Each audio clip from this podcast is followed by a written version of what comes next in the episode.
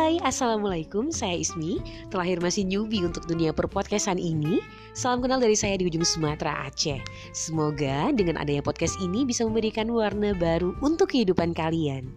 Yang pasti akan ada curcol dan beberapa informasi apa pun yang akan saya sharing di sini.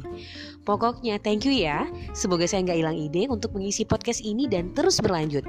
Saya doakan apa yang saya sharing ke sini juga memberikan kebaikan dan manfaat untuk saya Juga buat kalian yang Next kita akan ketemu lagi di episode berikutnya. See you